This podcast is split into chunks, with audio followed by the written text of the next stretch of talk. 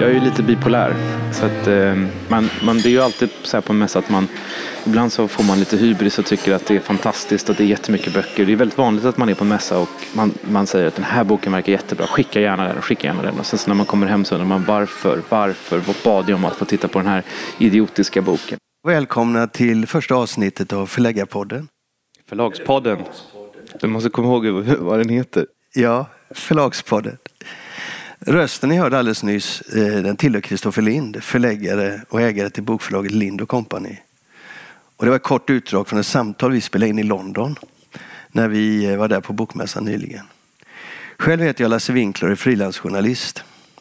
Tillsammans är det vi två som gör den här podden. Och man kan ju fråga sig varför gör vi en podd, Kristoffer? Varför vi debuterar i London eller varför vi överhuvudtaget försöker oss på en podd? Ja, varför gör vi en podcast?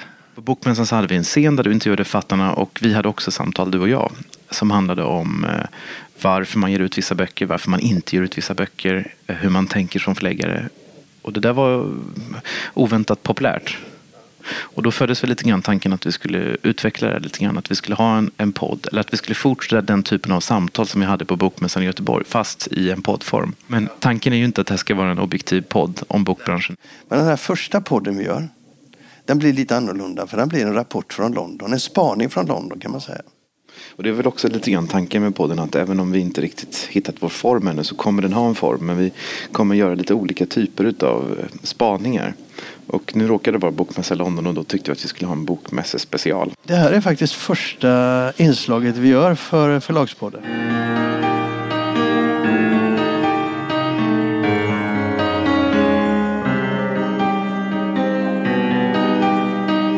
Hade ju som ambition att vi skulle ha gjort ett par poddar innan så att vi inte skulle skämma ut oss fullständigt.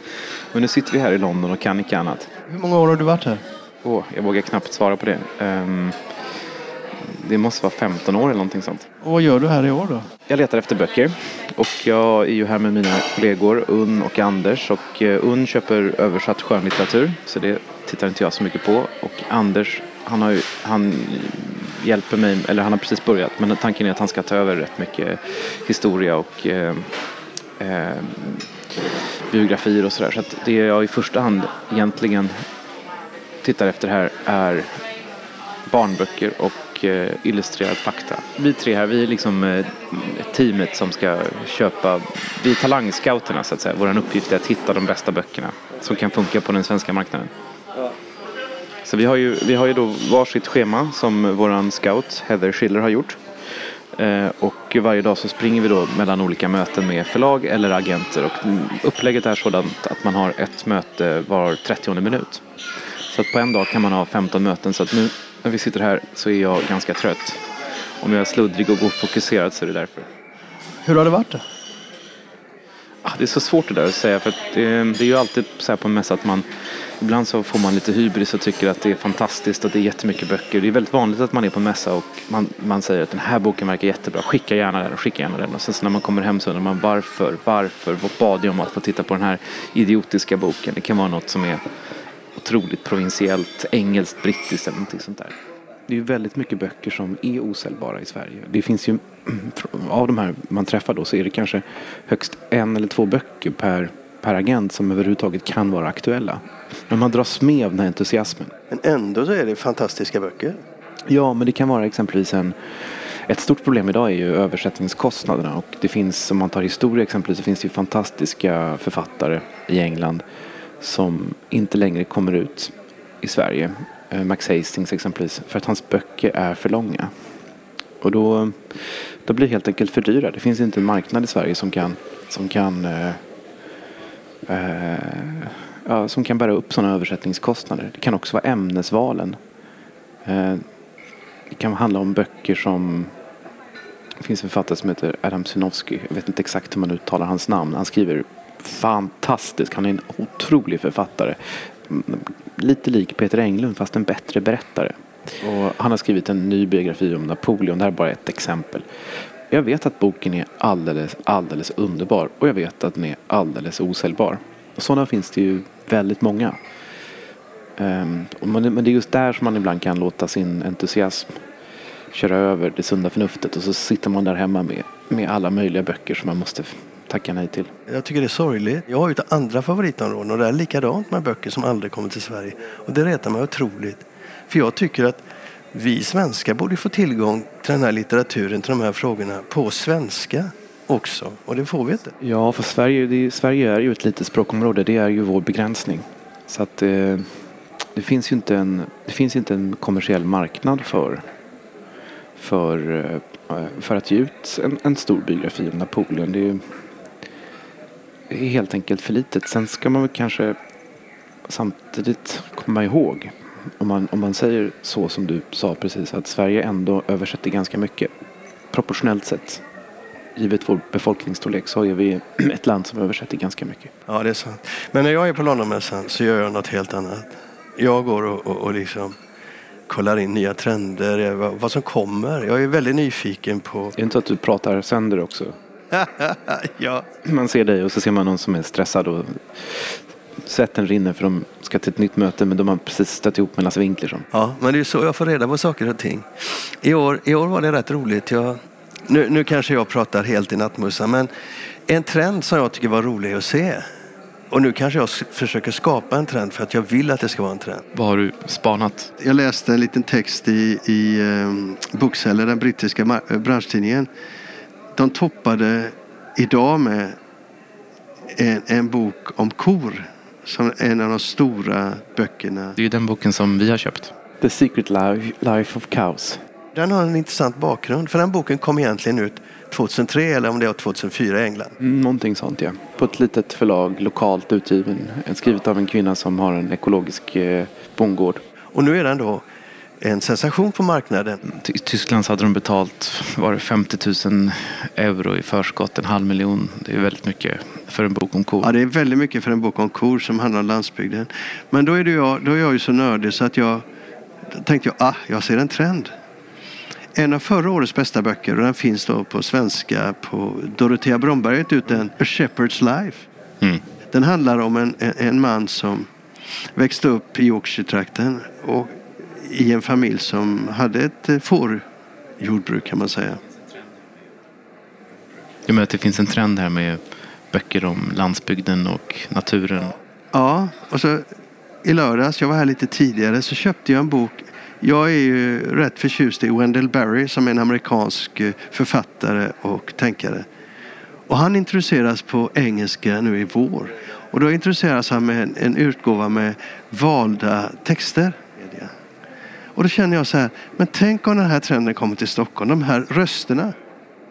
Fast det har de väl gjort. Vi har vi har ju bland annat Mandelmann och sådär i Sverige. Att det finns ett stort intresse för självhushållning, för, för, för någon slags ursprunglighet i eh, landsbygdslivet. Ja, det är sant. Men de här böckerna handlar inte bara om det utan de lyfter intellektuellt och rent faktiskt så lyfter de debatten om varför liv även på landsbygden och i småorter har en oerhörd betydelse och har oerhörda kvaliteter. Sådana som inte finns i samtalet idag.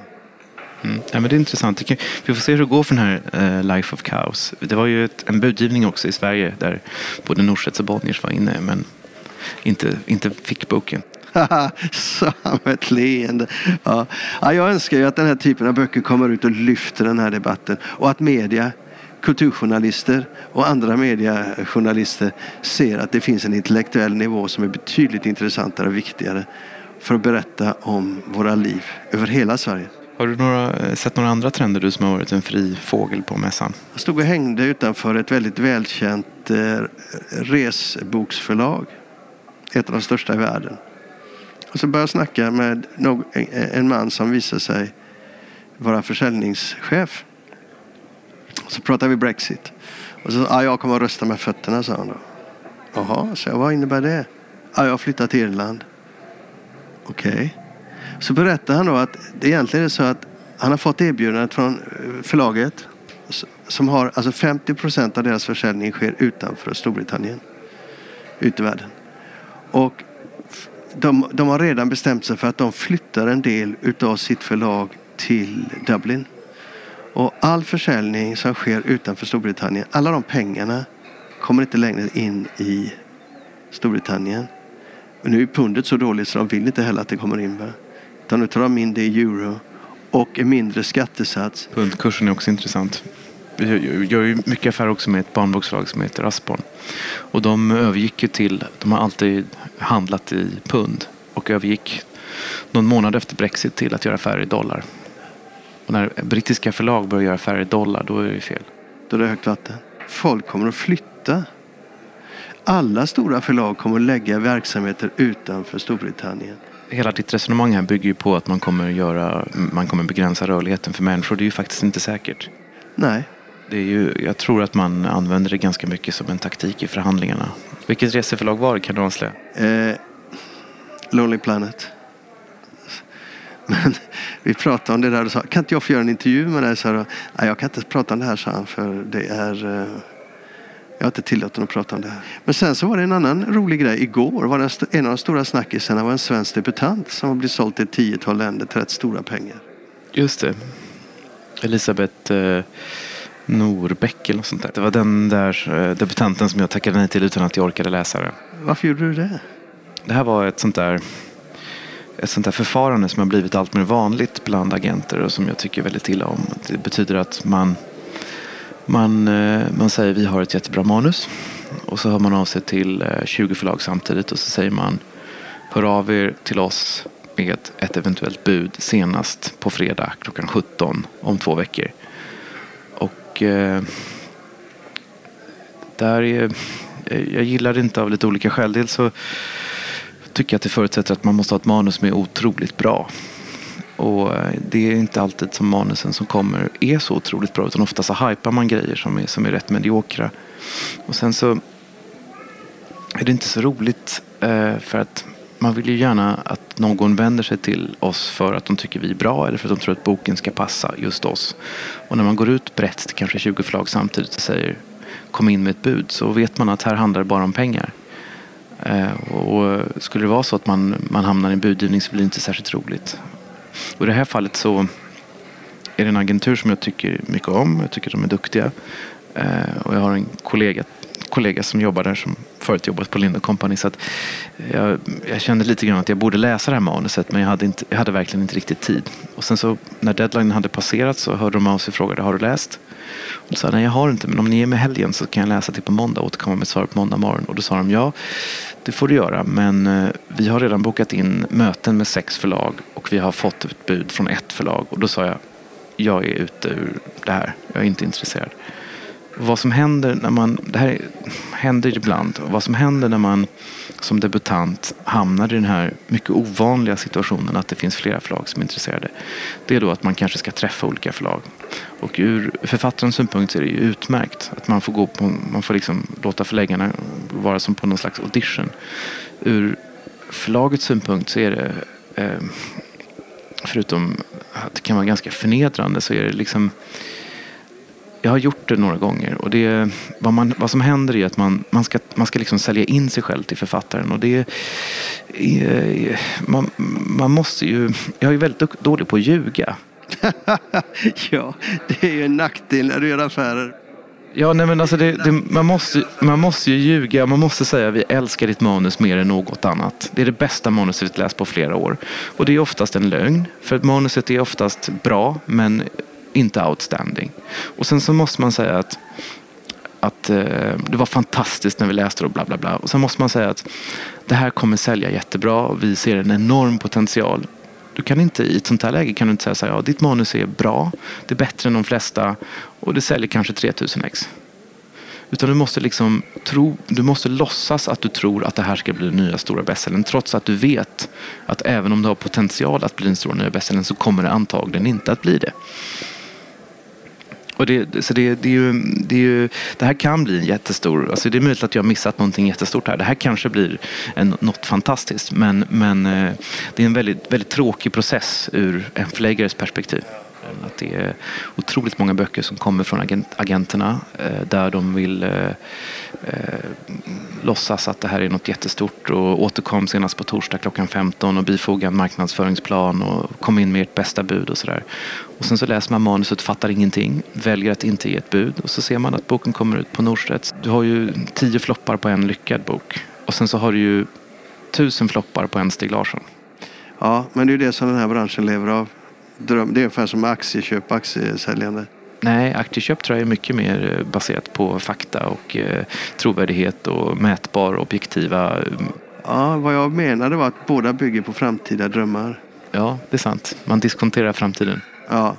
Eh, Och vi har ingen aning om hur den här boken kommer att, att eh, lyckas. Så vi ska inte säga något om det. Vi kanske ska säga var den hamnade också, för det är ju lite intressant. Ja, den hamnar hos Politico, Jonas Axelssons nya förlag. Polaris. Polaris heter det. Jag tror att man ska uttala så. Jag tror inte man ska säga Polaris. Polaris. Nej, men jag tror att det uttalas Polaris. Det är alltså ett helt nytt förlag. Eh, har du sett några trender? Nej, men jag då, tittar ju då på fackböcker under den här mässan och eh, jag ser ju några trender. Jag ser bland annat en stark trend som, som eh, nu är jag väldigt konkret då, men det är ju de här böckerna om hygge. Alltså dansk, eh, nordisk, skandinavisk mysbokstrend. Eh, det var ju någon bok som kom om hygge som blev ganska stor för något halvår sedan. Och sen så har det spridit sig. Nästan alla engelska förlag har en bok om hygge. Och det där är mycket märkligt. eh, För det är ju, bläddrar man i de här böckerna så är det ju någon slags mischmasch av eh, eh, recept. Och eh, ja, sitta framför lägerelden med raggsockor och mysa och dricka kaffe latte och sen så dricka öl och såna här saker. Mycket märkligt. Och det har kommit också en, en bok som heter Lagom. Som, jag kommer inte ihåg namnet på författaren men det är en svensk kvinna tror jag som är bor i London, skriver mycket för mm, en del väldigt etablerade bra. Hon, äh, hon är en sve- engelsk journalist helt enkelt med svenska rötter. Eh, Och det här är också en bok som alla tror kommer att bli jättestor. Men varför skulle vi köpa en sån bok? Det är totalt ointressant. Det är någon slags hokus pokus. Jag ser en trend så undrar jag, va? Hur intressant kan det vara? Och så plötsligt så ser man att de säljer 100 000 ex av boken. En annan eh, trend, det är, alltså för, förra året så var ju coloring in books, art therapy, eh, alltså målarböcker, det var ju något alldeles gigantiskt. Och det kom från ingenstans och blev hur stort som helst. Eh, verkligen hur stort som helst, inte minst i Sverige. Och nu så eh, försöker Quarto lansera någonting som det nya stora. Och det är att det ska vara skrapböcker. Så att man, eh, man ska inte färglägga utan man ska skrapa ungefär som på en trisslott. Man tar en, ett, ett mynt och sen så skrapar man och så är det någonting där under. Och nu ska man då skrapa bort och så är det mönster där under. Det här, det här har de lanserat väldigt stort. Och även en annan sak som de, som de lanserar stort är eh, klistermärksböcker för vuxna. Eh, det, det, det har jag sett flera förlag som, som kommer med. Jag kan inte vara mer ointresserad än vad jag är. Nej, Just den typen av böcker är ju bara där för pengarna. Jag är mer sugen på de här böckerna som berättar om samtiden och framtiden. Och Ja, fast nu är det så idealistiska idealistiskt. Alltså, de här böckerna, man kan inte säga att det bara är där för pengarna. Om man tar de här målarböckerna exempelvis. Så eh, om man nu ska försöka analysera varför blev det så stort. Så det är klart att de här böckerna ger sig ut på spekulation av någon anledning. Men de blir ju bara så där stora för att de motsvarar ett behov. De blir bara så där stora för att det finns en resonansbotten någonstans som de här böckerna kommunicerar mot. Jo, men plötsligt blev målarböcker... Alltså de var ju störst i hela västvärlden, varenda, varenda land. Och vi pratar inte om eh, en bästsäljare, vi pratar om 10-20. De dominerar listorna totalt. Och jag tänkte, va, eh, är det människor som har slutat gå i terapi eller vad handlar det om? kan man ju undra, men Men vad gör de nu då? Kanske börja med de här skrapböckerna, skrapböckerna eller Eller hyggeböckerna? om man tar hyggeböckerna så är det väldigt intressant för där upplever jag att det finns ett behov av att konstruera en trend. Alltså väldigt många brittiska förlag hakar på någonting som de tror kommer bli stort men som ännu inte riktigt är stort. Och det är hygge och man, man knyter an till eh, mindfulness, man knyter an till behovet av det lilla livet, det goda livet och så vidare. Och så bygger man någon slags konstruktion kring någon slags skandinavisk hygge-idé.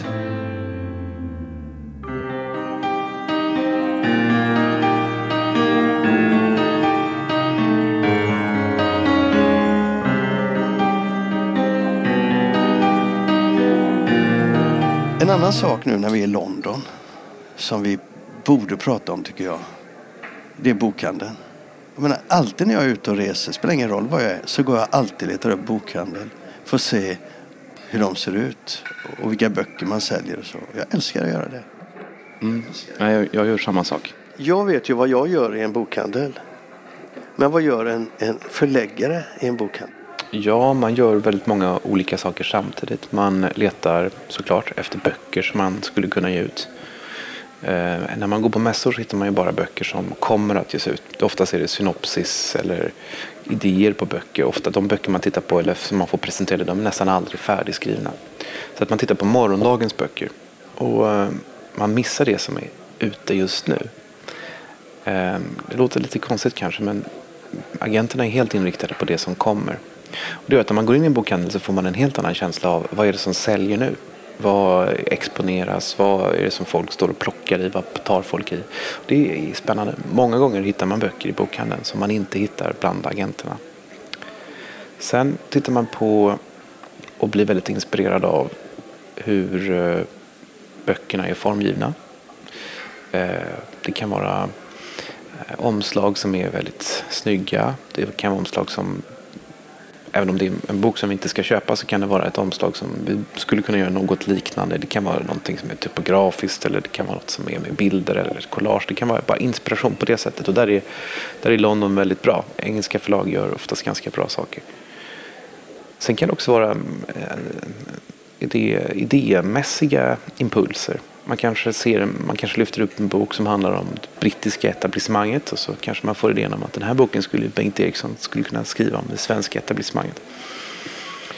Och, eh, så det, det, det är väldigt bra att gå i bokhandeln. Jag skulle säga att det är nästan mer givande än att gå på mässan. Nu sitter vi ju eh, och gör den här inspelningen på, på eh, Waterstones universitetsbokhandel kan man nästan kalla det, på Grove Street i London. Och vad har du sett här? Ja, alltså allt möjligt. Det är ju eh, en bokhandel som är väldigt stor. Eh, jag skulle tro att den är större än den största vi har i Sverige som är den akademibokhandeln med Samhällsgatan. Samtidigt så är det ju en, en, närheten till University College London gör ju att det blir väldigt mycket facklitteratur. Så det, och det är väldigt roligt för att den historiska avdelningen här är ju fullständigt enorm. Du har ju en hylla, eller tre hyllor med bara Tyskland, tre hyllor med Frankrike och det, här kan man helt enkelt försvinna. Vad som är intressant här tycker jag, jag har ju följt den här bokhandeln kanske i 20 år till och från. Och jag har sett den när den har varit som sämst, då allting var så lika. Så har den nu på ett, under ett antal år eh, förändrats under James Stone. Du, du beskriver ju inte bara den här bokhandeln utan hela Waterstone-kedjans utveckling. Ja, de har gått från att vara lika till att vara olika. Alla är och ska vara lokalt förankrade. Det här är en bokhandel som är hemma på Grover Street. Och det är väl det som är den nya, alltså Don't Books idé, eller Don't Books, så säga, James Don't, hans uppgift var väl lite grann att få tillbaks kedjan till det lokala. Att man skulle gå bort från kampanjer som var samma i överallt och så. Och idag är varje Waterstones butik lokalt anpassad. Alla ska vara olika, alla ska vara en, en reflektion utav den miljö de befinner sig i. Och personalen är viktigaste resursen. Personalen har jättestort inflytande på vad som ska, eh, hur det ska se ut. Det är intressant också för i Sverige har man gått i en annan riktning. Likriktning ja. Nu får du som avslutning på det här lilla inslaget om Londonbokhandlare som det ändå handlade om. Säg dina tre favoriter i London. Ja, det är Don't Books i Marlborough High Street som är ju flaggskeppet i de fyra eller fem eller kanske till och med sex butiker som ingår i den här lilla kedjan. Och det är, från början var det en resebokhandel men det tycker inte jag man tänker så mycket på nu om man inte går längst in. Och jag gillar med den bokhandeln, förutom läget, eh, är att, och förutom att den är så vacker, för det är en otroligt vacker lokal, så är det att den utmärker sig för att den som driver den eller de som driver den har en personlig smak. Och det är en smak som passar mig. Och det betyder att jag kan gå in där oavsett om jag tittar på nyutkommen fack, fackböcker eller skönlitteratur så är det nästan jag kan plocka upp vilken bok som helst och tycka att den här skulle jag kunna gå hem med. Sen så är det nog Waterstones på Gower Street. Den är eh, den brokig och den myllrar och den är stor. Och så har den bästa remainder-avdelningen du kan hitta. Ja, den är fantastisk. Och som nummer tre så tror jag att jag säger London Review of Books eh, bokhandel som är också ett café. Som eh, har väldigt mycket historia, samhällslitteratur och som är också en sån där trevlig liten oas som ligger faktiskt ganska nära alla de här egentligen, mitt i Bloomsbury. Och vilka är dina tre? Mina tre, nu gillar jag ju dina tre. Jag hade säkert tagit några av dem. Eller jag har tagit två av dem i alla fall. Så jag tar tre helt andra så att folk som lyssnar får fler. Jag gillar ju eh, Waterstones Watersons flaggskeppsbutik på Piccadilly. Men de har ett runt rum längst ner. De är fem våningar. Med nyheter.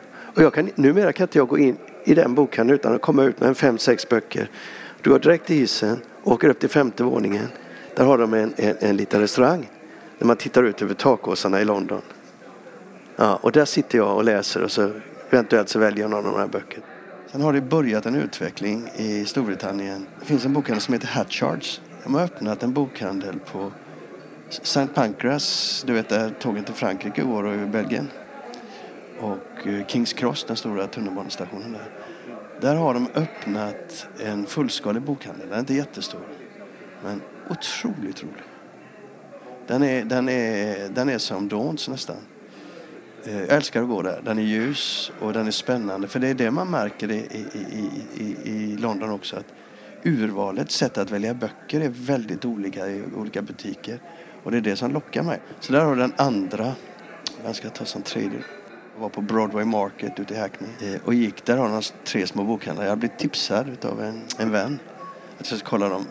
Och de är små, alltså de är hål i väggen. Men ett otroligt urval. Helt olika var de. En, en är barnbokhandel, en var mest illustrerade fackböcker.